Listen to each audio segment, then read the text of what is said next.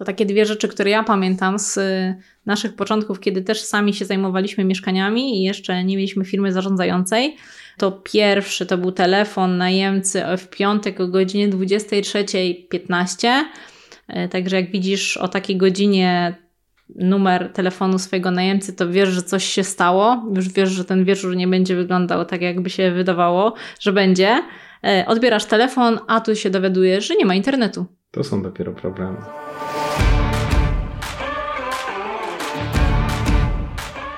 Słuchasz podcastu Inwestowanie w mieszkania, odcinek trzeci. Z tej strony Kasia Gorzędowska. Dzisiejszy odcinek będzie ciekawy zarówno dla osób, które wynajmują lub chcą wynajmować mieszkania samodzielnie, jak i dla tych, którzy rozważają skorzystanie z usługi zarządzania najmem w wybranej firmie. Do tego odcinka o zarządzaniu najmem zaprosiłam Grzegorza Krajewskiego, który prowadzi firmę zarządzającą w Łodzi. Z Grześkiem poznałam się kilka lat temu na studiach podyplomowych z wyceny nieruchomości. Potem nasze drogi przeplatały się na różnych spotkaniach dla inwestorów, natomiast pod koniec 2021 roku razem wydaliśmy książkę o zarządzaniu najmem, ale o tym opowiemy później. Dlaczego dzisiaj taki temat dotyczący zarządzania najmem? Dlatego, że mieszkania nie tylko się wynajmuje, ale przede wszystkim powinno się nimi odpowiednio zarządzać. Nieważne, czy robisz to samodzielnie, czy za pomocą firmy zarządzającej najmem. W tym odcinku porozmawiamy, co to jest zarządzanie najmem i na czym polega, jakie są problemy i wyzwania związane z najmem, jak dobrze weryfikować najemców, z jakiego konkretnego narzędzia do weryfikacji ostatnio korzystamy, co robimy, jeśli najemca nie płaci, jaka jest jedna rzecz, której większość właścicieli mieszkań na wynajem na rynku nie robi, a powinni, kiedy warto, a kiedy nie warto współpracować z firmą zarządzającą najmem, czym jest zarządzanie z gwarancją czynszu? I na co musisz zwrócić uwagę, jeśli wynajmujesz mieszkanie. Do tego podajemy z Grzegorzem wiele przykładów z naszego zarządczego życia. Będzie ciekawie. Notatki do tego odcinka znajdziesz na stronie inwestowaniewmieszkania.pl. Zaczynamy!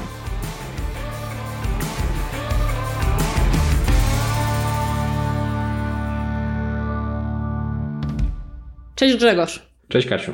Cieszę się, że będę mogła dzisiaj z Tobą porozmawiać o zarządzaniu najmem. Bardzo podoba mi się Twoje podejście do nieruchomości, do inwestowania i do samego zarządzania. Powiedz proszę na start, jak zaczęła się Twoja droga z nieruchomościami i skąd u Ciebie firma zarządzająca, którą prowadzisz już od kilku lat? Cześć Kasiu, dzięki w ogóle na samym początku za zaproszenie do podcastu. Natomiast e, nasze początki, moje i mojego wspólnika Mariusza Kazimierczaka, sięgają mm, roku 2016, gdzie mm, wzięliśmy udział w seminarium inwestowania w nieruchomości Piotra Hreniewicza. Nasze początki były takie, że na początku zaczęliśmy od podnajmu mieszkań. Przez pierwszy rok prowadziliśmy naszą firmę równolegle e, z pracą na etacie. Natomiast przez cały czas e, naszej działalności dokumentowaliśmy nasze działania w mediach społecznościowych, co sprawiło, że zaczęli się do nas zgłaszać inwestorzy zainteresowani ulokowaniem kapitału na łódzkim rynku nieruchomości poprzez zakup, zakup przygotowanych przez nas gotowców inwestycyjnych. I jednym z warunków zakupu takich mieszkań było dalsze zarządzanie przez naszą firmę. I to, da, co dało tak naprawdę zalążek mm, powstania naszej firmy zarządzającej najmem. Obecnie tak naprawdę również zarządzamy mieszkaniami, które nie zostały przez nas przygotowane, wyremontowane, gdyż trafiają również do nas klienci po prostu z, z poleceń, gdyż nasze usługi są polecane również dalej. Okej, okay. Powiedz mi, co to znaczy w ogóle zarządzanie najmem? Na czym to polega? Mimo, że już sporo na ten temat mówi się w branży, są książki, szkolenia, to jednak jest to nadal młody obszar. Wytłumacz proszę naszym słuchaczom, o co chodzi w tym zarządzaniu najmem. Cóż, temat jest bardzo szeroki, e, bardzo obszerny. E, no i tak jak wspomniałaś, jest to dosyć stosunkowo nowa usługa, młoda, co powoduje, że nie została jeszcze w żaden sposób uwarunkowana prawnie i ustandaryzowana. E, natomiast zdecydowanie różni się e, swoim zakresem od e, usługi zarządzania całymi budynkami mieszkalnymi, budynkami które tworzą wspólnoty czy tam spółdzielnie mieszkaniowe. Tak, bo takie zarządzanie budynkami już istnieje od wielu lat, nawet w ustawie jest napisane, kim jest zarządca, natomiast zarządzanie najmem to jest totalnie nowy temat. Dokładnie tak. Natomiast y, jest to usługa na pewno kompleksowa, tak? Można mm, wyróżnić e, tutaj czynności, które są wykonane, wykonywane przez zarządcę jednorazowo na samym starcie wykonywania usługi. Zwykle zarządca najmem na samym początku przygotowuje mieszkanie do najmu. Przez przygotowanie możemy tutaj mówić o sprawdzeniu jego stanu technicznego, E, zwykle na tym etapie są udzielane również e, sugestie do wdrożenia dla właściciela. W większości przypadków jest również przygotowany homestaging. Po homestagingu e, również jest to dobry czas na wykonanie profesjonalnej sesji zdjęciowej. A następnie, gdy już mamy, dysponujemy zdjęciami, możemy również przygotować profesjonalne ogłoszenia. I w momencie, kiedy mieszkanie jest już ogłaszane, Kolejnym rolą zarządcy jest również, e, jest również e, prezentacja nieruchomości e, poszczególnym potencjalnym najemcom. Często jest tak, że jeżeli zarządca korzysta z własnego systemu do zarządzania najmem, taka nieruchomość jest również udostępniana na indywidualnym portalu ogłoszeniowym, co sprawia, że Nieruchomość jest również widoczna nie tylko na mm, ogólnodostępnych portalach ogłoszeniowych, ale również jest e, promowana własnymi kanałami e, firmy zarządzającej najmem. Jeżeli zarządca znajdzie odpowiedniego najemcę, który zdecyduje się na wynajem nieruchomości, następnie jest przeprowadzana jego weryfikacja.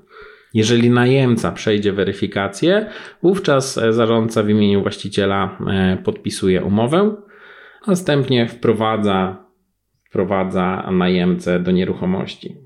Ten etap przekazania kluczy do nieruchomości jest dokumentowany wcześniej przygotowanym przez zarządcę bardzo szczegółową. Zwykle powinien to wyglądać bardzo szczegółowym protokołem zdawczo-odbiorczym. A następnie zarządca jest również taką osobą, która powinna towarzyszyć najemcy przez cały okres trwania umowy. Czyli zwykle jest tak, że jest to osoba, która jest pierwszym punktem kontaktowym, czyli mimo, że właścicielem nieruchomości jest wynajmujący, to najemca kontaktuje się e, wyłącznie z zarządcą, po to, żeby zarządca był w stanie reagować na e, wszelkie jego e, potrzeby, czy zgłaszane po prostu problemy na nieruchomości. A tych problemów, jak pewnie za chwilę powiemy, może być sporo. Tak jest. W momencie, kiedy najemca postanowi opuścić nieruchomość, kiedy, kiedy umowa najmu dobiega końca, następuje etap odbioru nieruchomości od najemcy. Jest to dosyć nefralgiczny moment, ponieważ e, wówczas e, zarządca powinien dosyć, e, powinien bardzo skrupulatnie sprawdzić stan nieruchomości, zanotować w protokole wszelkie braki, wszelkie wykryte ustelki, usterki oraz również stan czystości na nieruchomości. I na podstawie takiego protokołu wówczas powinna zostać rozliczona skrupulatnie kaucja najemcy. Mhm. A powiedz mi proszę, co nie wchodzi w takim razie w zakres zarządzania najmem, bo teraz omówiłeś dość sporo czynności, które wchodzą w skład tego zarządzania albo mogą wchodzić w skład, bo tak jak jeszcze pewnie powiemy, to wszystko też zależy od zarządcy. Ta usługa nie jest ustandaryzowana, więc to może się różnić pomiędzy firmami zarządzającymi, nawet w obrębie jednego miasta, a pomiędzy miastami również. Natomiast są na pewno takie rzeczy, które na pewno nie wchodzą w zakres zarządzania najmem. I co to jest? Jedną z takich czynności jest na przykład udział w e, rocznych zebraniach e, wspólnot mieszkaniowych. Czemu nie uczestniczymy w zebraniach? Ponieważ decyzje, które zwykle są podejmowane na tego typu zebraniach, mają marginalny wpływ na rentowność danej nieruchomości. Oczywiście, jeżeli zarządca całego budynku, zarządca nieruchomości, zarządca wspólnoty zgłosi się do nas z prośbą o e, podpisania w imieniu właściciela uchwał zatwierdzających na przykład roczne sprawozdanie zarządu, czy też e, plan remontowy na kolejny rok, no to również takie czynności wykonujemy, natomiast nie, nie bierzemy udziału w aktywnym życiu po prostu wspólnoty mieszkaniowej, tak jak powiedziałem, z tego względu, że ma to marginalny wpływ na rentowność danej nieruchomości. Co więcej, kolejną taką czynnością może być na przykład y, wykonywanie remontów, przebudów, zmiany wystroju wnętrza, mm, czy też projektu wnętrz. Oczywiście są firmy zarządzające, które tego typu usługi świadczą, natomiast są one dodatkowo płatne, są wykonywane zwykle na podstawie osobno zawartej umowy, y, natomiast nie jest to usługa stricte związana z zarządzaniem najmem. Często też zdarza się tak, że właściciele zgłaszają się do nas e, z prośbą o załatwienie różnych spraw urzędowych, na przykład związanych z podatkiem od nieruchomości, czy też z przekształceniem e, gruntu z użytkowania wieczystego we własność. Takie czynności również możemy wykonać. Przy czym pewnie wiąże się, będzie się to wiązało z dodatkową opłatą, gdyż jest to dodatkowy czas, który musimy na wykonanie tych czynności poświęcić. Co więcej, co, jest, co jeszcze możemy dodać? Na pewno wykonując pracę zarządcy, musimy mieć e, odpowiednią wiedzę z zakresu księgowości, tak, żeby choćby wiedzieć, w jaki sposób dokumentować przychody najmu, w jaki sposób wystawiać w imieniu właściciela faktury najemcom. Natomiast no, naszą rolą nie jest wykonywanie usług doradztwa podatkowego, gdyż nie mamy tego typu uprawnień, więc jeżeli właściciel zgłasza się do nas z prośbą o e, doradztwo, o udzielenie rady, no to odpowiadamy, że niestety nie mamy takich uprawnień. Możemy się podzielić własną opinią, natomiast na pewno właściciel nie powinien podejmować decyzji na podstawie e, takiej rozmowy. Jasne. Chciałabym wspomnieć, że w grudniu 2021 roku wydaliśmy razem książkę Współpraca z firmą zarządzającą najmem, czyli wszystko, co powinieneś wiedzieć, zanim powierzysz swoje mieszkanie w zarządzanie. To jest książka, na, który, na której pomysł wpadł Grzegorz właśnie. E, także dzięki Grzegorz. Wydaliśmy ją wspólnie. Grzegorz tutaj był redaktorem. Zaprosiliśmy do współpracy kilku zarządców z całej Polski e, i Grzegorz wraz z Michałem Żółtowskim napisali taki rozdział zarządzanie mieszkaniem, z czym to się je, czyli o obowiązkach zarządcy. Także jeżeli ktoś tu chciałby rozszerzyć temat y, obowiązków zarządcy i w ogóle zarządzania najmem, to raz, że ten rozdział jest do tego odpowiedni, a dwa, że w ogóle cała książka na ten temat sporo myślę, że mówi, chociaż dzisiaj postaramy się jeszcze trochę o tym y, też opowiedzieć. Powiedz mi, Grzegorz, w takim razie omówiliśmy te etapy zarządzania najmem, od przygotowania mieszkania przez szukanie najemcy, podpisanie umowy, a potem e, kontakty z tym najemcą, doszliśmy do rozliczenia kaucji, czyli do tego końcowego etapu. I wspomniałeś w trakcie, że trochę jest tych trudnych momentów czy wyzwań związanych z, z właśnie zarządzaniem najmem. Pytanie właśnie, jakie to są problemy, bo kiedyś na konferencji, dużej konferencji dla inwestorów usłyszałam takie zdanie od jednej z inwestorki, która miała już dwa, trzy swoje mieszkania na wynajem, sama je wynajmowała i zastanawiała się, słysząc rozmowy różnych zarządców z różnych firm, o co tym zarządcom chodzi, jakie to są problemy. I wręcz powiedziała takie zdanie, ale czym tu zarządzać, co tu jest do robienia? Przecież wystarczy znaleźć raz najemcę i potem przez rok albo dwa nie trzeba nic robić. I generalnie o co nam zarządcom chodzi, dlaczego mamy tyle problemów i gdzie tutaj jest niezrozumienie, Grzegorz? Co, o, o, co chodzi? Cóż, tych, tych wyzwań może być naprawdę wiele, natomiast tak jak wspomniałaś, Kasiu, jeżeli ktoś zarządza jednym, maksymalnie dwoma swoimi mieszkaniami, jeżeli te mieszkania są na przykład kawalerkami, no to rzeczywiście może w skali roku tej, tej pracy e, nie jest dużo. Natomiast e, jeżeli zarządzamy na przykład mieszkaniami, które są podzielone na pokoje i każdy pokój jest mm, wynajmowany na osobnej umowie, no to tej pracy już na pewno jest zdecydowanie więcej. I tutaj może, żebyśmy omówili te wyzwania, to przejdźmy przez taki cały cykl życia najemcy, więc na pewno wyzwaniem jest pozyskanie tego najemcę, czyli na samym początku, nim w ogóle postanowimy wystawić ogłoszenie, musimy ustawić, ustawić, ustalić, za jaką stawkę będziemy taką nieruchomość wynajmować. Potem musimy pilnować, żeby takie ogłoszenie było cały czas promowane, żeby było odświeżane, żeby zawsze znajdowało się na górze y, listy ogłoszeń. Tak, bo bardzo często ludzie wrzucają ogłoszenie i potem się okazuje, że po dwóch, trzech dniach kończą się telefony. Czasami no, nie odbieramy też wszystkich numerów telefonów, nie odzwaniamy, co też jest błędem przy, przy, przy wynajmie. Y, I okazuje się, że po trzech dniach jest już y, cisza Y, nie ma, nie ma telefonu, się zastanawiamy, co jest nie tak. Może za drogo wystawiliśmy ogłoszenie, ale okazuje się, że wcale nie, bo to ogłoszenie po prostu gdzieś spadło na drugą, piątą, dziesiątą stronę. Szczególnie w sezonie najmu przy pokojach, przy kawalerkach, bardzo często to jest ten sezon wakacyjny, sierpień, wrzesień, wtedy kiedy studenci szukają intensywnie lokum przed nowym rokiem akademickim. I wtedy faktycznie to trzeba pilnować tych ogłoszeń, trzeba je odświeżać trzeba pilnować, żeby dodawać nowe, żebyśmy cały czas byli gdzieś tam dość wysoko, żeby ten telefon po prostu dzwonił, bo bez tych telefonów, no to tych najemców nie będzie. I takie osoby, które wynajmują te mieszkania samodzielnie, dość często o tym zapominają. Zgadza Nieraz miałam takie rozmowy właśnie ze znajomymi, którzy wrzucili raz ogłoszenie, potem wpadli w wir swojej pracy, no i potem się okazuje, że no, jest pustostan, bo nikt nie dzwonił. A odświeżyłeś ogłoszenia, dodałeś nowe, a spróbowałeś innej ceny, sprawdziłeś cenę, no nie no, w sumie myślałem, że wrzucę ogłoszenie i się wynajmie, tak? I owszem, mamy takie okresy, kiedy faktycznie wystarczy wrzucić się wynajmie i takim okresem jest pewnie sezon, chociaż też bywa różnie, bo jeżeli w złym momencie wrzucimy, to jednak szybko, szybko jakby te, to ogłoszenie gdzieś tam zniknie w gąszczu innych. Natomiast teraz mamy też taką specyficzną sytuację, a rozmawiamy w kwietniu 2022 roku, gdzie jednak ten rynek najmu bardzo, bardzo teraz y, się zmienił przez to, że mamy sporo uchodźców z wschodniej granicy i wszystko po prostu się wynajmuje bardzo, bardzo szybko ale nadal uważam, że to pozyskiwanie najemców jest tutaj dużym wyzwaniem i pewnie za chwilę też powiemy o jakiejś weryfikacji najemców i o tym całym procesie. Natomiast no, to jest zdecydowanie ważny moment, no bo jak nie znajdziemy tego dobrego najemcy, to potem będą same problemy albo albo jeszcze gorzej. Dokładnie tak. Natomiast jak już tutaj wspominamy o odbieraniu telefonów, no to musimy się nastawić, że niestety niektórzy najemcy nie szanują naszego czasu wolnego i potrafią telefonować za wczesnych albo za późnych godzinach.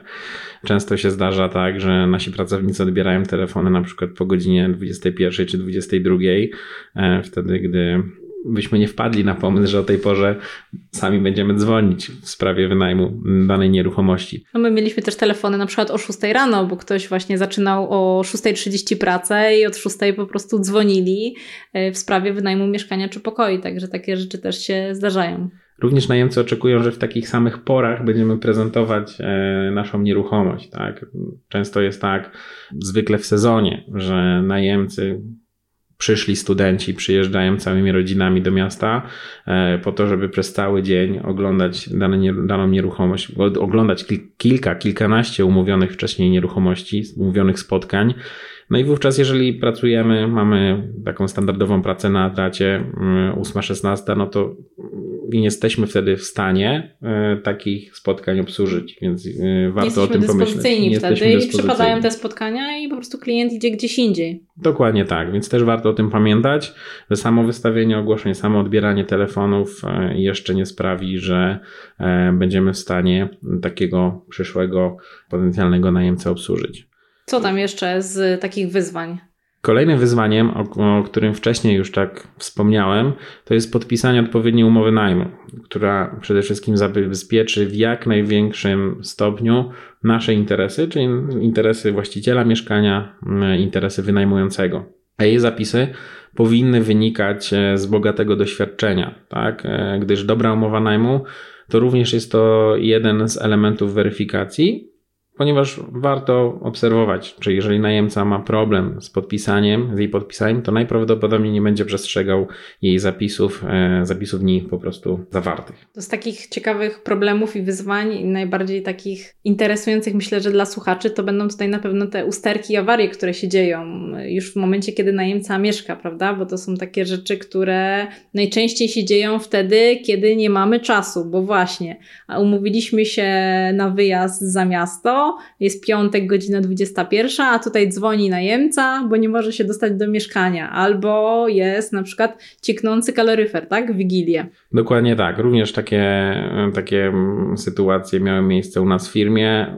Najczęstszą sytuacją jest e, sytuacja, kiedy najemca przyjeżdża e, z powrotem do, do miasta, do Łodzi i zapomniał klucza ze sobą zabrać. No i wówczas pojawia się konieczność użycia klucza, klucza awaryjnego, żeby wpuścić tego najemcę do e, nieruchomości.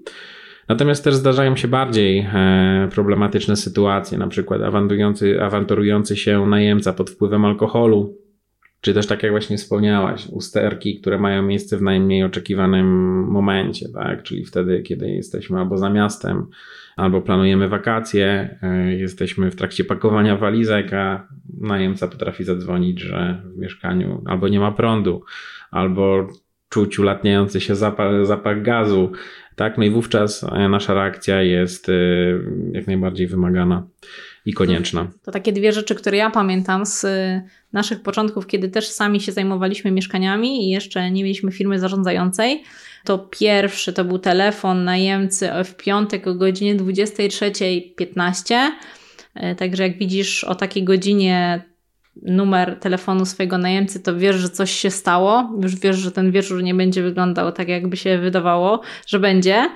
Y, odbierasz telefon, a tu się dowiadujesz, że nie ma internetu. To są dopiero problemy. To są problemy i to są dramaty w życiu. No tutaj akurat całe szczęście, że, że faktycznie nic się nie stało i trzeba było tylko pokierować najemcę, chociaż właściwie nie pamiętam jak zareagowaliśmy, ale pewnie od razu nie dostał informacji, co zrobić z internetem, no bo to nie jest, przepraszam bardzo, informacja, o której się, z którą się dzwoni o 23.15.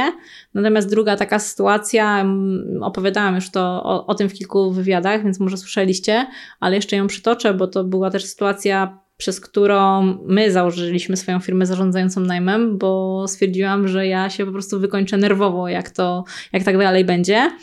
W nocy dostaliśmy telefon y, od lokatora z jednego mieszkań y, na pokoje wynajmowanego studentom, że właśnie wrócił, to była sobota, trzecia rano, trzecia, czwarta, wrócił właśnie do mieszkania.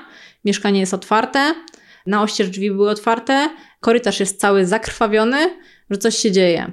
Przyjechała policja, okazało się, że inny, najemca z pokoju wezwał policję do mieszkania, y, ponieważ któryś z lokatorów zachowywał się agresywnie w stosunku do jego i jego żony, która go wtedy odwiedzała. Zbił szybę, goniąc ich po mieszkaniu. Ten najemca, który zbił szybę, zranił sobie rękę. W związku z tym ta krew w mieszkaniu, no to właśnie było stąd. Ta dziewczyna, ponieważ to było mieszkanie na parterze, tak się bała, że uciekła przez okno, yy, przez okno. Taka historia właśnie się przydarzyła. No i to był ten moment, że no trzeba zareagować, tak? Policja też z nami wtedy rozmawiała przez telefon. Trzeba było po prostu się stawić w tym mieszkaniu i, i zadziałać, tak? I nie mówiąc już o tym, że trzeba było dalej podziałać z tymi najemcami, którzy właśnie taką sytuację wywołali. E, koniec końców okazało się, że ten lokator, który się zachowywał agresywnie, był pod wpływem narkotyków, także w kolejnym dniu wyprowadzaliśmy go z mieszkania, co też nie było łatwe. Natomiast y, okazało się, że generalnie on mieszkał tam już pół roku ponad. Był spokojny, był cichy, y, płacił na czas, był pracownikiem dość znanej, dobrej firmy w Łodzi, więc no tutaj nic nie wskazywało, że będzie taka sytuacja po prostu z nim miała miejsce. Gdzieś tam w rozmowach z lokatorami okazało się, że on czasami faktycznie krzyczał w spokoju, natomiast im się wszystkim wydawało, że on gra po prostu na konsoli, bo miał konsolę i wydawało im się, że on tak przeżywa. No pewnie, pewnie może tak, a może już po prostu był wtedy pod wpływem tych narkotyków. Jak go wyprowadziliśmy, to też znaleźliśmy jakieś strzykawki niestety w, w kanapie. Także no takie rzeczy się zdarzają. Zdarzają się y, nam zarządcom dość często też dlatego, że mamy już pewną skalę. Jak mamy kilkaset pokoi, kilka, kilkuset najemców y, w danej chwili, no to statystycznie te 10% te 5% sprawia jakiś problem, czy to na tym etapie właśnie mieszkania, czy na tym etapie późniejszym odbioru mieszkania. Yy, także no tak to jest. Dokładnie tak. Tutaj przy większej skali pojawia się statystyka i tak samo jest z terminowością wpłat ze strony najemców, że też zauważamy, że około 3-4% e, całego ogółu najemców no niestety nie płaci czynszu e, w terminie. Natomiast tej grupy jakieś pojedyncze przypadki wymagają już bardziej um, radykalnych działań związanych z windykacją um, po prostu już sądową. To jak jesteśmy przy tym temacie, Grzegorz, to powiedz mi w takim razie, jak weryfikować tych najemców? Jak wy to robicie? Jak uważasz, że powinno się do tego tematu podchodzić? Cóż, e, tak naprawdę ja bym podzielił weryfikację najemców na, na takie dwie kategorie. Weryfikację miękką, która opiera się tak naprawdę na rozmowie z najemcą. Wówczas, jeżeli najemca nam zgłasza, że chciałby u nas zamieszkać, to pytamy, tak, gdzie do tej pory mieszkał, czemu szuka nowego mieszkania, co go sprowadza do miasta, jeżeli jest to osoba spoza Łodzi, czy jest studentem, czy osobą pracującą. I wówczas w trakcie takiej rozmowy mm, staramy się wyłapywać takie czerwone flagi, które mogą świadczyć, że najemca będzie sprawiał problemy w przyszłości. Na przykład najemca może nam powiedzieć, że szuka innego mieszkania, ponieważ nie dogadywał się z poprzednim wynajmującym, tak? albo e, szuka innego mieszkania, ponieważ poprzedni wynajmujący oczekiwał, że mieszkanie będzie zawsze czyste.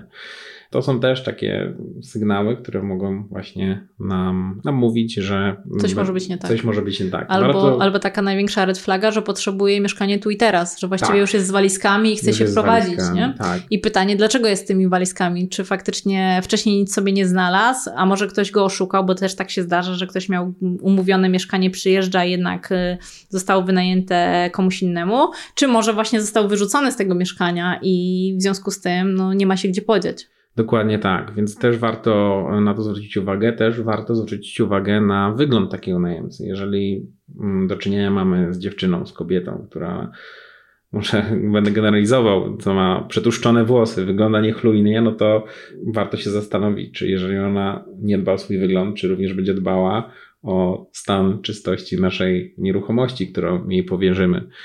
Więc tych elementów może być sporo i warto po prostu przed najmem sobie je wypisać, żeby być na nie wyczulonym. Tak? Więc to jest Czyli ta nasza. Na start weryfikacja miękka, rozmowa z najemcą, tak. żeby po prostu dowiedzieć się coś więcej o nim. Dokładnie tak. Natomiast e, definitywnym sygnałem, który będzie nam mówił, że najemca będzie na pewno sprawiał nam problemy, będzie miał problemy z płatnością, jest to prośba o rozłożenie kaucji na raty. Tego nigdy nie robimy. Jeżeli najemca w rozmowie chociaż wspomni, że czy jest możliwość rozłożenia kaucji na raty, no to wówczas e, już Wiemy. Największa red flaga. Tak, największa red flaga i wówczas weryfikacja jest negatywna i no nie ma szans, żeby u nas taki najemca wynajął tak. e, po prostu to mieszkanie. Ja, to ja dodam jeszcze, że na samym początku naszej przygody z najmem zdarzało się, że zgadzaliśmy się na rozłożenie tej kaucji na raty z różnych względów, bo to były też początki, bo też u, urzekła nas zawsze historia najemcy, bo to zawsze jest jakiś konkretny powód bo to nie jest tak, że proszę mi rozłożyć już, tylko proszę mi rozłożyć, bo w poprzednim mieszkaniu na zły właściciel mi nie oddał kaucji, e, bo nie dostałem wypłaty na czas, ale już dostanę, bo musiałem pomóc rodzinie, bo mi zmarł dziadek i w związku z tym wszystkie pieniądze po, wysłałem do mamy. Więc naprawdę te historie zawsze chwytają, zazwyczaj chwytają e, za, za serce. Natomiast jak sobie przeanalizowaliśmy po jakimś czasie, to niestety najemcy, z którymi mieliśmy problemy, to zawsze byli ci, którzy mieli kaucję rozkładaną na raty. Także jeżeli ktoś nie jest w stanie wpłacić tej kaucji, którą wymagasz, my wymagamy najczęściej troszkę ponad jedno, jednomiesięczny czynsz najmu. Wiem, Grzegorz, że wy chyba również, tak? Dokładnie tak. E, trochę ponad jedno, jeden y, miesiąc najmu, no to niestety jest tutaj duża szansa, że będą z tym najemcą problemy, najczęściej finansowe, również, no, również inne. Dokładnie tak, więc, więc kaucji na pewno nie mhm. rozkładamy na laty. Co jeszcze sprawdzamy? Co jeszcze sprawdzamy? Jeżeli najemca przeszedł tą weryfikację miękką, no to wówczas mamy ten drugi etap, czyli weryfikacja tak naprawdę dokumentów. Jeżeli mamy do czynienia z osobą pracującą, no to weryfikujmy źródło jego dochodów. Tak? Jeżeli jest yy, najemca osobą pracującą, ma zatrudnienie na podstawie umowy o pracy, poprośmy o kopię umowy o pracę, o zaświadczenie o wysokości zarobków, ponieważ zweryfikujmy, czy nie dochodzi do takiej sytuacji, że najemca zarabia przykładowo 2,5 tysiąca złotych na rękę, a chce wynająć mieszkanie, które łącznie ze wszystkimi opłatami będzie go kosztowało 2 tysiące. Ponieważ wówczas możemy się domyślić, że budżet się nie zepnie. Budżet się nie zepnie. My już to wiemy, najemca może nie do końca z tego sobie zdawać sprawę, natomiast musimy takie sytuacje przewidywać. A powiedz mi, Grzegorz, co robicie, jeżeli najemca nie chce pokazać umowy? Bo wiem, że też są takie obawy u właścicieli, że no, nie będzie mi chciał pokazać, bo tam są dane wrażliwe, nie chce pokazać, ile zarabia. Co wtedy? Tak naprawdę mamy dwa rozwiązania. Jeżeli najemca nie chce pokazać umowy, twierdzi, że jego dochody są objęte klauzulą poufności, Wówczas najemca taki może nam dostarczyć poręczenie od osoby pracującej. Mm, poręczenie jest to taki dokument, w którym e, poręczyciel e, wyraża zgodę za, na przejęcie e, długu pod warunkiem, że najemca z tego długu, czyli za zobowiązania umownego podjętego w umowie najmu nie będzie się po prostu wywiązywał. Tak?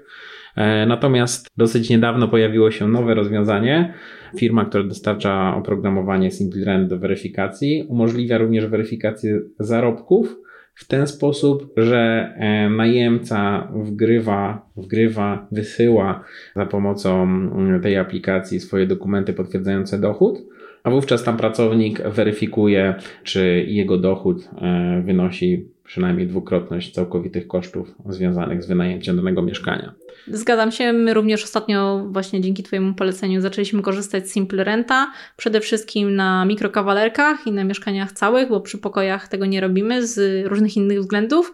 Natomiast tutaj się to świetnie sprawdza. Y, robimy tą pełną weryfikację, czyli to jest weryfikacja tożsamości, weryfikacja zarobków i weryfikacja historii płatniczej i kredytowej. To zależnie od wykupionego pakietu, z tego co pamiętam, w tej chwili kosztuje między tam 50 a 70 zł. Także uważam, że tutaj ten koszt jest naprawdę, naprawdę akceptowalny. Zrobiliśmy do tej pory, do kwietnia 2022, kiedy nagrywamy ten odcinek, 15 weryfikacji takich testowych i powiem, że tylko 7-8 najemców nam przeszło tą weryfikację, e, bo mimo, że deklarowali, że mają te dochody, wiedzieli, że będzie taka weryfikacja, to jak przyszło do dołączania dokumentów, to się okazywało, że jednak e, no, nie mają tej dwukrotności na umowie, bo jest jakaś inna umowa, część jest może jednak pod stołem, albo ta umowa dopiero jest obiecana i będzie. Też się zdarzyło, że jedna osoba była właśnie w bazie dłużników, także tutaj nie przeszła. Także no, weryfikacje do tej pory nam przyszli w tożsamości wszyscy, ale tych zarobków, no to, no to właśnie te kilka osób niestety nie. E, jest natomiast taka fajna opcja e, i Simple Rent to też proponuje przy właśnie tej negatywnej weryfikacji zarobków, nie wiem czy to widziałeś, że jeżeli jeden najemca, który miał mieszkać w danym kawalerce na przykład, nie wystarcza, żeby tutaj przejść tą weryfikację zarobków, można dołączyć drugiego najemcę. I taką sytuację też mieliśmy, że chłopak miał za mało na umowie, żeby bezpiecznie wynająć mu to mieszkanie. Natomiast zaprosiliśmy drugą dziewczynę do weryfikacji, ona też podpisała z chłopakiem umowę i w tym momencie już taki, e, taką weryfikację przeszli. Na koniec dostajemy certyfikat najemcy, możemy też ubezpieczyć ten czynsze, także uważam, że to jest ciekawa opcja i na właśnie kwiecień 2022 rozpoczęliśmy korzystanie z tego i mam nadzieję, że dalej będziemy korzystać. Widzę, że od strony najemców też nie ma tej bariery właśnie w pokazywaniu umowy i nie ma w ogóle tego argumentu, że a może nie pokażę, a może doślę później i tak dalej. Tu wiedzą, że trzeba przejść, bo bez tego nie ma umowy. Dokładnie kropka. tak. My jeszcze mieliśmy takie obawy, że żeby przejść tą weryfikację należy kliknąć w link, który jest przesłany w tym mailu zapraszającym do weryfikacji. Mieliśmy obawy, czy świadomi najemcy nie będą się obawiali klikać w w cudzysłowie o obce linki, natomiast ta obawa również okazała się bezpodstawna, więc wszystko działa tak, jak należy. Tak jest. Wiemy, jak weryfikować najemców, wiemy, jakie są wyzwania, wiemy, co to jest zarządzanie najmem. A powiedz mi proszę, co robicie, jeżeli najemca nie płaci? Bo to są takie historie, które chyba najczęściej się w internecie pojawiają. Najczęściej na jakichś grupach facebookowych, oczywiście ogólnych jest, nawet ostatnio czytałam, powiedzcie mi, co mam zrobić, najemca przestał płacić, ja mam umowę, płacę wszystkie podatki, no ale co ja mam zrobić, no bo, bo on mi nie płaci. Jak go wyrzucić? Jak, jak zmusić go, żeby płacił? Cóż, przede wszystkim e, warto e, zaplanować e, wszelkie działania w tym kierunku jeszcze przed podpisaniem pierwszej umowy najmu, tak? Czyli warto sobie rozpisać naszą taką wewnętrzną procedurę windykacji najemcy. I jeśli chodzi o taką procedurę, jaka obowiązuje u nas w firmie, no to przede wszystkim mm, pierwszym krokiem jest natychmiastowa reakcja. Tak? Jeżeli najemca się spóźnia z terminem płatności, to już jeden dzień e, po terminie płatności jest do niego wysyłany SMS e, ponaglający, SMS mm, windykacyjny razem z mailem, no i wówczas e, najemca otrzymuje informację, że nie otrzymaliśmy wpłaty w terminie i prosimy o natychmiastową wpłatę. Natomiast jeżeli w kolejnym dniu nadal jest brak wpłaty, wówczas już wykonujemy kontakt telefoniczny. Tak? Po prostu na tym etapie jest to telefon z troską, pytamy co się stało, że nie ma wpłaty, nie ma wpłaty czy, czy tutaj był jakiś problem po stronie banku, e, czy może po prostu najemca zwyczajnie zapomniał, wyjechał na wakacje. Takie sytuacje się zdarzają, tak? I w trakcie takiej rozmowy ustalamy nowy e, termin wpłaty, maksymalnie 3-4 dni robocze i oczekujemy takiej wpłaty w tym terminie. Jeżeli nadal takiej wpłaty nie ma, no to po tym okresie mm, wykonujemy ponowny kontakt, no i w tym momencie już rozmowa jakby jest bardziej stanowcza, sugerujemy kolejne rozwiązania, tak? Jeżeli, drogi najemco, jeżeli masz problemy, przejściowe problemy finansowe, no to może pożyć środki od przyjaciół, od rodziny, tak żeby ten czynsz e, zapłacić po prostu w terminie. Natomiast też dążymy do tego, żeby ustalić, jaki jest prawdziwy problem z, ty, z tymi płatnościami. Tak? Czy jest to problem mm, permanentny, typu utrata pracy, utrata zdrowia, no to wówczas y, sugerujemy mm, polubowne mm, rozwiązania, czyli na przykład wyprowadzkę do tańszego mieszkania, czy też powrót do domu rodzinnego. Gdyż przynajmniej u nas w firmie mamy takie podejście, że lepiej rozwiązać umowę z najemcą polubownie, niż czekać, y, żeby ten dług po prostu narastał, gdyż no, nie mamy pewności, czy w przyszłości taki dług uda nam się po prostu zminnikować. Natomiast jeżeli na tym etapie najemca nie chce współpracować, no to też jest to etap, w którym powinniśmy najemcę poinformować o konsekwencjach. Z tego względu, że mm, zwykle młodzi ludzie, tak, mm, najemcy, którzy wynajmują nasze mieszkania na pokoje, to są osoby w przedziale 20-30 lat, nie są świadomi, jakie mogą być konsekwencje braku płatności w terminie. Takimi konsekwencjami może być wpis do rejestru dłużników, co spowoduje, że najemca będzie miał w przyszłości trudności z uzyskaniem na przykład kredytu, czy też z podpisaniem umowy na telefon, umowy na telewizję. Co więcej, jeżeli najemca nie będzie płacił tego czynszu w terminie, wówczas będziemy zmuszeni rozpocząć procedurę y, sądową, tak, co dodatkowo zwiększy te koszty i ten dług będzie po prostu coraz bardziej uciążliwy dla najemcy. Natomiast, mm, tak jak wspomniałem wcześniej, no jeżeli najemca nie współpracuje, no to jest to etap, kiedy wysyłamy przedsądowne wezwanie do zapłaty. Czekamy na wpłatę zgodnie z e, terminami, które e, mamy narzucone w ustawie o ochronie praw lokatorów. No i jeżeli takich wpłat nie ma, no to po prostu wypowiadamy umowę, wchodzimy na ścieżkę oficjalną. Tak jest. No z tego, co powiedziałeś, to z mojej perspektywy ta natychmiastowa reakcja jest tutaj kluczowa. E, I z tego, co widzę z rozmów z właścicielami mieszkań, którzy sami się zajmują, no niestety tego nie robią. E, ja to widzę też po naszych najemcach, szczególnie w październiku, listopadzie, kiedy te umowy nam się zaczynają. Jeżeli przypilnujemy jako zarządca wtedy żeby im przypomnieć, że te faktury mają być opłacane na czas, ten czynsz ma wpłynąć do nas w terminie, to już potem faktycznie jest mniej tych problemów związanych z opóźnieniami w płatności. Ważne też jest to, czy ten najemca chce z nami rozmawiać, prawda? Bo tak jak powiedziałeś, jeżeli mamy kontakt, jest ta komunikacja między nami, no to zawsze się dogadamy. Najgorzej, jeżeli z tej drugiej strony będzie cisza, unikanie kontaktu, no to wiemy, że coś jest na rzeczy i pewnie będzie, będzie trudniej. Natomiast tak samo jak powiedziałeś tutaj, że, że Wam zależy na, na takim polubownym za, załatwieniu sprawy, u nas tak samo jest, że no, zależy nam przede wszystkim na rozmowie z tym najemcą, żebyśmy jakieś tam wspólne, wspólne rozwiązanie znaleźli. Mieliśmy taką jedną sytuację, z najemcami z zagranicy. Tutaj przy takich najemcach, no to w ogóle jakakolwiek windykacja jest już w ogóle mega utrudniona, chociaż no nie niemożliwa, natomiast no, no wiemy jak jest, oni najczęściej są też przejściowo w kraju i wyjeżdżają. Też te kwoty, które płacą nie są jakieś duże, żeby ich gdzieś tam za granicą potem dochodzić. Natomiast mieliśmy taką właśnie y, parę, która mieszkała w dwupokojowym mieszkaniu i oni po prostu w którymś momencie przestali płacić, przestali się odzywać. I przy drugim miesiącu braku kontaktu udało nam się na szczęście z nimi skontaktować e, i okazało się, że oni oboje stracili pracę, ale już byli w procesie pozyskiwania nowej i już mieli lada moment zacząć yy, pracę. Oczywiście takiej historii życia nasłuchaliśmy się wiele. E, natomiast poprosiliśmy ich w takim razie, jeżeli faktycznie chcą rozmawiać, chcą dalej mieszkać i chcą uregulować te kwoty, to chociaż 50 zł nie wpłacą, co było w ogóle jakąś kroplą w morzu tego, co tam powinni uregulować, ale jeżeli tutaj mówią, że tak bardzo im zależy, no to chociaż te 50 zł wtedy z nimi negocjowaliśmy i słuchajcie, wpłacili te 50 zł. I rozmawialiśmy z nimi tydzień w tydzień, mówiliśmy, że ważna jest też komunikacja i ważne jest po prostu gesty z ich strony. I oni faktycznie zobowiązali się, że do momentu, kiedy nie dostaną tej wypłaty, przynajmniej raz w tygodniu jakieś tam e, drobne kwoty będą wpłacać. E, I po kolejnym miesiącu okazało się, że tą pracę dostali pracowali zdalnie i spłacili po prostu wszystko z góry, tak? Bardzo też podziękowali za pomoc, przeprosili oczywiście za ten brak kontaktu na początku, natomiast no tutaj faktycznie udało się y, porozumieć, dogadać i uważam, że tutaj fajnie to zostało poprowadzone.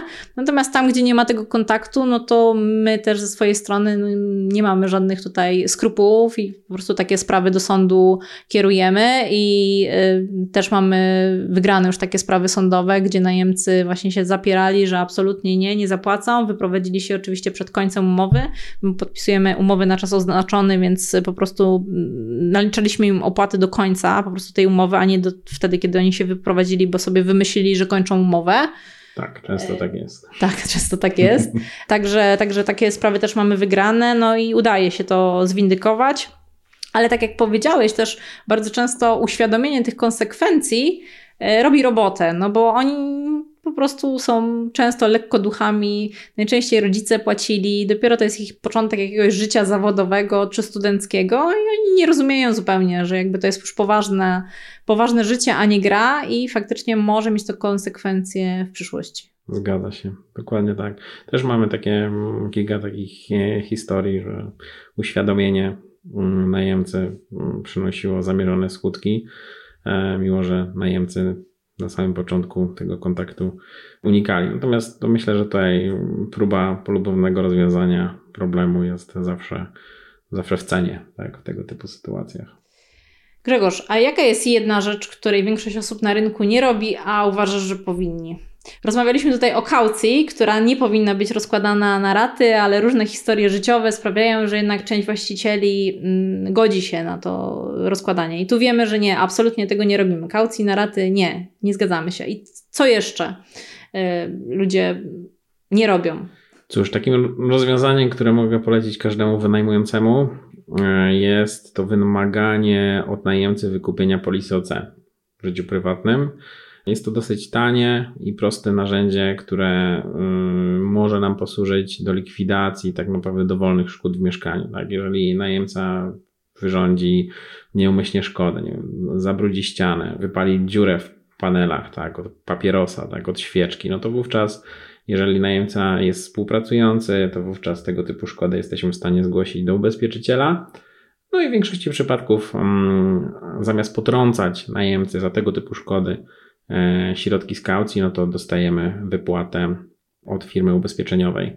Też tego typu polisa e, również może służyć do likwidacji większych szkód. Jeżeli najemca przykładowo włączy pralkę i pójdzie spać, pralka będzie prała, ulegnie awarii, zaleje sąsiada piętro niżej, a najemca tego nie dopilnuje, to również zamiast likwidować tego typu szkodę z naszej polisy mm, mieszkania, możemy tego typu szkodę zlikwidować z polisy najemcy, a my dzięki temu nie będziemy mieli podwyższonej składki w kolejnym roku.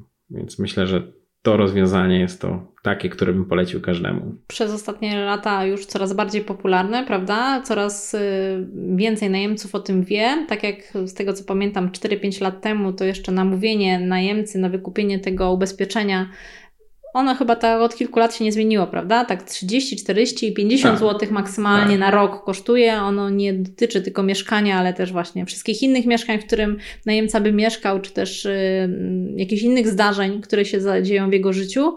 Y, tak, no właściciele jeszcze jednak nie do końca wszyscy wiedzą, widzę, tak jak rozmawiam ze znajomymi czy z inwestorami, że jeszcze nie wszyscy to OC najemcy wykorzystują no, być może nie wiedzą, być może nie rozumieją, a na pewno na pewno warto, bo my jako zarządcy to już naprawdę sporo tego ocena najemcy zrobiliśmy. Zrobiliśmy, dokładnie tak. No i mm, też tak naprawdę nie chodzi o likwidację, czy przede wszystkim powinno nam chodzić o likwidację szkód, natomiast też jest to dobre narzędzie do budowania naszego wizerunku, ponieważ jeżeli taki najemca się z nami rozstaje, i mm, widzi, że dążymy do tego, żeby jednak odzyskał tą kaucję w całości i likwidujemy szkodę z polisy, to taki najemca zamiast potem wypisywać opinię na temat firmy zarządzającej, że. Albo właściciela. Albo właściciela. Albo wysyłać potem pisma od prawnika, gdzie jest moja kaucja i proszę o zwrot kaucji, Dokładnie tak? tak. No to wówczas taką kaucję dostaje w całości i wspomina współpracę, współpracę z naszą firmą zarządzającą zdecydowanie lepiej niż gdybyśmy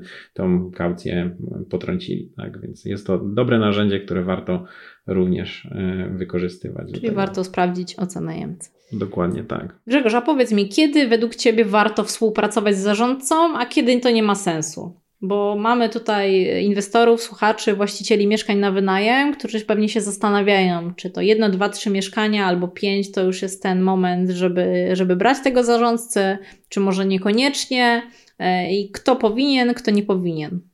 E, cóż, takich sytuacji, kiedy warto współpracować, możemy wymienić myślę, że sporo. Natomiast e, nawet jeżeli mamy jedno mieszkanie, warto skorzystać e, z usług firmy zarządzającej, jeżeli to mieszkanie jest zlokalizowane w innym mieście niż to, w którym na co dzień żyjemy i pracujemy. Gdyż, tak jak wspominaliśmy na początku naszej rozmowy, jeżeli mamy sezon i po, powinniśmy być w pełni dyspozycyjni, żeby obsłużyć takiego najemcę, no to mieszkanie w innym mieście będzie dla nas bardzo uciążliwe, żeby takie mieszkanie wynająć skutecznie, jeżeli nasza lokalizacja jest inna niż lokalizacja mieszkania. Okej, okay, czyli jeżeli ktoś mieszka w innym mieście niż ma mieszkanie na wynajem, no to zdecydowanie przesłanka do tego, żeby poszukać zarządcy. A co jeszcze? Dokładnie tak. Co jeszcze? Jeżeli chcemy ograniczyć kontakt z najemcami do minimum, tak? Czyli te telefony na przykład telefony w nocy. w nocy, tak. O internet od policji. SMS-y o 6 rano, że nie działa internet. Również e, jeżeli nie chcemy e, się tego typu sprawami zajmować, to też warto mieć zarządcę, który de facto jest naszym pełnomocnikiem, tak? E, naszą, naszą głową, naszym pełnomocnikiem do obsługiwania tego typu spraw. Też e, warto pomyśleć o zarządcy, jeżeli dopiero stawiamy pierwsze kroki na rynku nieruchomości. Nie mamy wystarczającej wiedzy, e, ale też nie mamy wystarczająco dużo czasu, żeby taką wiedzę e, zdobywać, tak? Więc też wtedy warto w usługi firmy zarządzającej zainwestować, gdyż możemy, jeżeli tego nie zrobimy, możemy po prostu pełni, popełnić bardzo wiele dużo, błędów na różnych etapach. Dokładnie tak, wiele błędów, no i wiele kosztownych błędów, jak, jak to może się potem okazać. Też warto pomyśleć o skorzystaniu z usług zarządcy, jeżeli nasza stawka godzinowa jest wyższa niż stawka zarządcy. Jeżeli wykonujemy dobrze płatny zawód, jesteśmy informatykiem, lekarzem, e, to warto po prostu swój czas e, zainwestować w wykonywanie naszego podstawowego zawodu, a w ten sposób zarobione środki przeznaczyć na opłacenie wynagrodzenia zarządcy. Na pewno to nam się wtedy zwróci w postaci lepszego e, zwrotu z wynajmowanej nieruchomości. To ja bym jeszcze dodała, że warto też czas poświęcić na odpoczynek. Tak. Bo bardzo często jest tak, że inwestorzy mówią, że a i tak wieczorem nie będę pracował, tak? Bo mam tylko pracę od 8 do 16, no to i tak mam wieczorem czas.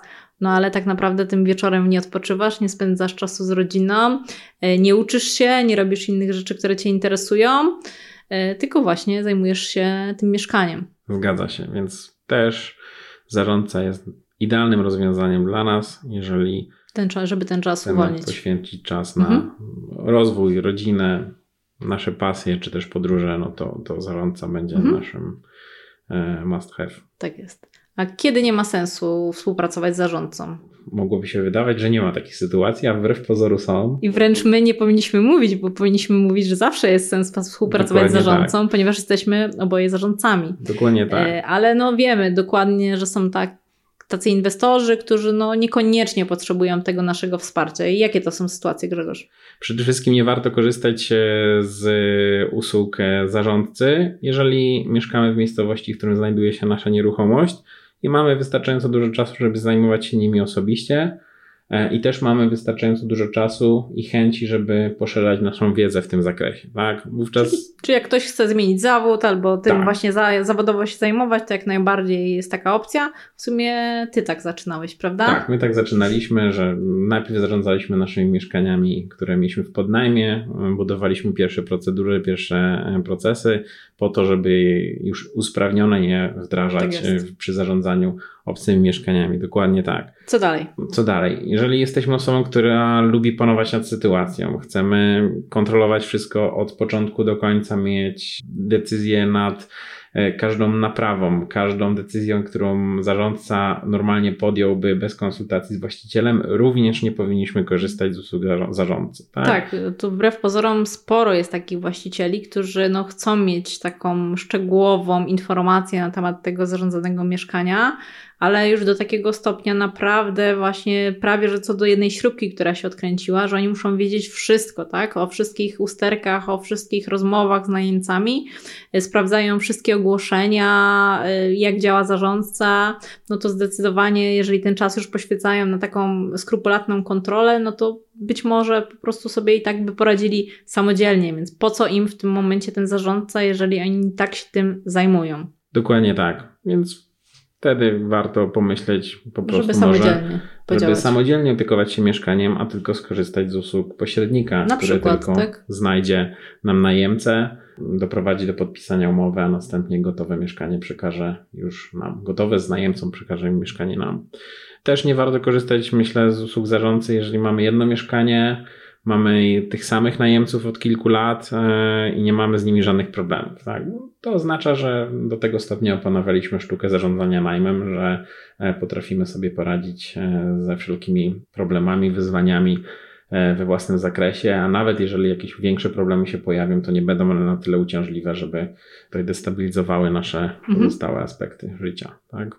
Zajęcie zarządcy nieruchomości jest również dobrym rozwiązaniem dla osób, które lubią kontakty z ludźmi, lubią rozwiązywać e, problemy, lubią jak się dużo dzieje, też na pewno się w tym odnajdą, tak? Więc jeżeli chcemy się w tym spędzać, ale tak jak już powiedziałeś wcześniej, jeżeli chcemy się rozwijać w tym kierunku, więc na pewno jest to, jest to dla nas dobre rozwiązanie. Tak, no i zdecydowanie są takie osoby, które, tak jak powiedziałeś, lubią, że jak się dzieje, lubią e, jeździć, lubią majsterkować, lubią naprawiać, więc jeżeli jesteś taką osobą, no to zdecydowanie takie zarządzanie najmem i tutaj rozwiązywanie tych różnych problemów na pewno będzie dla Ciebie ciekawe, chociaż trzeba pamiętać, że te problemy to nie są tylko usterkowe, ale też dzieją się na tych różnych etapach, które na początku omówiliśmy. Grzegorz, jeszcze chciałam tutaj nawiązać do tego, co powiedziałeś na temat pośredników nieruchomości, bo to też myślę, że jest fajne rozwiązanie dla właścicieli, którzy niekoniecznie uważają, że zarządzanie najmem jest dla nich, e, natomiast no, chcieliby mieć jakieś wsparcie w tym procesie wynajmu. I tutaj, tak jak wspomniałeś, pośrednik, prawda, przyjdzie z pomocą. Tak, dokładnie tak. Jeżeli nie jesteśmy gotowi, nie chcemy korzystać e, z firmy zarządzającej najmem, a natomiast nie jesteśmy, nie czujemy się na siłach, żeby samodzielnie poszukać najemcę i doprowadzić do zawarcia z nim umowy najmu, warto przekazać taką naszą nieruchomość e, pośrednikowi, który w naszym imieniu będzie e, prezentował nieruchomość, ogłaszał, dogadywał wszelkie warunki e, umowy i następnie po zawarciu umowy przekaże taką gotową, pracującą nieruchomość nam. Mhm. Tylko warto wtedy pamiętać, że to jest tylko ten jeden etap wtedy zarządzania, tak? Czyli tam pośrednik weźmie mieszkanie, znajdzie najemcę, podpisze umowę. Miejmy nadzieję, że dobrą umowę najmu. Tak. Większość pośredników już naprawdę fajnie tutaj ten wynajem ogarnia i, i tutaj na pewno warto, warto porozmawiać z nimi na ten temat. Natomiast trzeba pamiętać, że no najczęściej pośrednik nie przygotuje tej nieruchomości, ten pośrednik potem też nie będzie odpowiadał za tego najemcę, co, co się dzieje z nim później. Tak samo nie zakończy tego najmu, nie rozliczy tego najemcy, więc to już będziemy musieli wziąć na siebie. Natomiast no, jest to na pewno jakaś opcja, którą warto też rozważyć, szczególnie jeżeli nie mamy odpowiedniej wiedzy, jak to działa i czasu. Dokładnie tak. Już warto mieć jeszcze na uwadze, że pośrednik jest wynagradzany za doprowadzenie do zawarcia umowy najmu, tak? Dobra. Gregorz, pamiętam, jak przygotowywaliśmy książkę Współpraca z firmą zarządzającą najmem i zbieraliśmy od właścicieli mieszkań różne pytania na temat właśnie zarządzania najmem, czy od właścicieli, czy od inwestorów, którzy dopiero planowali mieszkania, to jednym z takich tematów, który się pojawiał, E, bardzo często to był temat dotyczący płatności właśnie najemców. Trochę dzisiaj rozmawialiśmy na ten temat, jak to, jak dbać e, o weryfikację najemcy, potem jak ewentualnie windykować te płatności, jeżeli ich nie będzie. Natomiast no, właściciele pytają, jaka tutaj jest rola zarządcy właśnie przy y, zarządzaniu, przy tym, żeby te, te, te płatności wpływały, były terminowo. Powiedz mi proszę, co na ten temat możesz e, powiedzieć właścicielom mieszkań i przyszłym inwestorom? Cóż, jeżeli y, mamy do czynienia z właścicielem, któremu bardzo zależy, żeby ta płatność zawsze wpływała w terminie, żeby miał zawsze stuprocentowe obłożenie, gdyż obawia się e, niepłacących najemców, no to wówczas warto, żeby taki właściciel rozważył usługę, która mm, nazywa się zarządzaniem z gwarancją czynszu. Jest to taka usługa, e, która polega na tym, że zarządca naszej nieruchomości bierze na siebie ryzyko związane z pustostanami, tak? a właściciel otrzymuje pieniądze za wynajem na swoje konto we wskazanym terminie, niezależnie od tego, czy e, faktycznie najemcy, którzy zajmują daną nieruchomość, uregulowali swoje zobowiązania, czy też nie. Tak naprawdę zarządzanie z gwarancją czynszu jest to podnajem, od którego zaczęła się nasza przygoda z nieruchomościami, gdyż mm, zarządzanie z gwarancją czynszu polega na wynajmie mieszkania zaufanemu najemcy, czyli tak naprawdę firmie zarządzającej najmniej, najmem, która otrzymuje od właściciela zgodę na dalszy podnajem i to ona już we własnym e, zakresie, bez zaangażowania właściciela, zajmie się wynajmem mieszkania ostatecznemu najemcy. Czyli tak naprawdę wtedy właściciel wynajmuje nam to mieszkanie, ma konkretną stawkę, na umowie i już go nie interesuje, czy my wynajmiemy to mieszkanie dalej, za ile wynajmiemy, czy mamy na tym zysk, czy mamy na tym stratę. On ma zagwarantowaną tą stałą kwotę na umowie i to jest właśnie ten podnajem, zarządzanie z gwarancją czynszu. Dokładnie tak. Powiedz mi na koniec, Grzegorz, jeszcze na co według Ciebie trzeba zwracać uwagę? Mówiliśmy tutaj o wielu rzeczach, które są ważne przy zarządzaniu najmem, ale taka najbardziej istotna z Twojej perspektywy, jaka to jest? Cóż, tak jak właśnie wspomniałaś, tutaj omówiliśmy w naszej rozmowie bardzo wiele aspektów związanych z zarządzaniem najmem, samym najmem nieruchomości. Natomiast y, to, o czym warto pamiętać, to nim podejmiemy jakiekolwiek kroki związane mm, z inwestowaniem w nieruchomości, z wynajmem naszej nieruchomości, y, warto y, na samym początku poświęcić swój czas oraz również pieniądze mm, po to, żeby zdobyć odpowiednią wiedzę, tak? Gdyż, e, tak jak właśnie tutaj wspomniałaś, obserwujemy w internecie bardzo wiele osób, które mm, zrażają się do wynajmu, ponieważ e, podeszli do tematu bez odpowiedniego przygotowania. Bo kolega wynajął. Tak. I było dobrze. Dokładnie. To ja tak. nie dam rady? Dokładnie tak. I można tego typu sytuacje uniknąć, jeżeli przed działaniem poświęcimy odpowiedni czas na zdobycie wiedzy. Czyli odpowiednie przygotowanie, odpowiednia wiedza, i działamy. Dokładnie tak. To jeszcze nie koniec rozmowy. Za chwilę zadam Grzegorzowi jedno pytanie, o którym go nie uprzedziłam. Wcześniej jednak wejdź na stronę inwestowaniewmieszkanie.pl, znajdziesz tam notatki do tego odcinka, a także informacje o książce Współpraca z firmą zarządzającą najmę, którą razem z Grzegorzem wydałam. I do tego znajdziesz tam rabat. Jeśli dosłuchałeś odcinka do tego momentu, to pewnie jesteś zainteresowany tematem zarządzania najmem. W związku z tym na stronie zamieściłam też informację o kursie online Szkoła Zarządzania Najmem, które niedawno wydałam z Izą Chryniewicz i Mateuszem Brejtą. Jest to kurs, który uzbroi Cię w wiedzę, narzędzia, odpowiednie umowy i dokumenty niezbędne do skutecznej obsługi mieszkań na wynajem. Oprócz tego otrzymasz dostęp do aktywnej grupy właścicieli mieszkań na wynajem oraz zarządców z całej Polski, gdzie otrzymasz odpowiedzi na każde zadane na temat zarządzania najmem pytanie. Sprawdź, warto. Na stronie podcastu inwestowaniewmieszkania.pl znajdziesz też dodatkowo kod rabatowy do narzędzia Simple Rent, o którym rozmawialiśmy z Grzegorzem w tym odcinku. A teraz wracamy do gościa, który zdradzi, z czym ostatnio musiał się zmierzyć w jednym z zarządzanych mieszkań. Grzegorz, powiedz mi, jaka jest y, wasza najbardziej hardkorowa historia związana z zarządzaniem najmem? Najbardziej hardkorową sytuacją, z którą mieliśmy do czynienia, to kłótnia pomiędzy dwiema osobami, która miała miejsce na jednym z zarządzanych przez nas nieruchomości. Kłótnia skończyła się tym, że najemca e, chwycił za nóż i e, pchnął e, nim gościa, współlokatorki, która akurat znajdowała się w mieszkaniu. No, sytuacja była no tyle patowa, że wydarzyła się w nocy. O sytuacji dowiedzieliśmy się nad ranem z SMS-a, które, który został przysłany przez jednego ze współlokatorów. Finalnie mm, najemca, który dokonał tego czynu, został zatrzymany przez policję, a osoba, która była pchnięta, została e, zabrana przez karetkę pogotowia i operowana w szpitalu. Finalnie mm, sytuacja zakończyła się szczęśliwie, gdyż udało się tę osobę odratować. Czyli z takimi rzeczami też się mierzą zarządcy. Dziękuję bardzo Grzegorz za rozmowę. Również dziękuję. Do zobaczenia. Cześć. To by było na tyle. Subskrybuj podcast w ulubionej aplikacji. Do usłyszenia w kolejnym odcinku. Cześć. Grzegorz uciekł ze studia. O, już wrócił. Dobra. To z takich dwóch. Yy... Jeszcze raz. Jeszcze raz. Ale creepy. Tego nie dawajmy. Ma.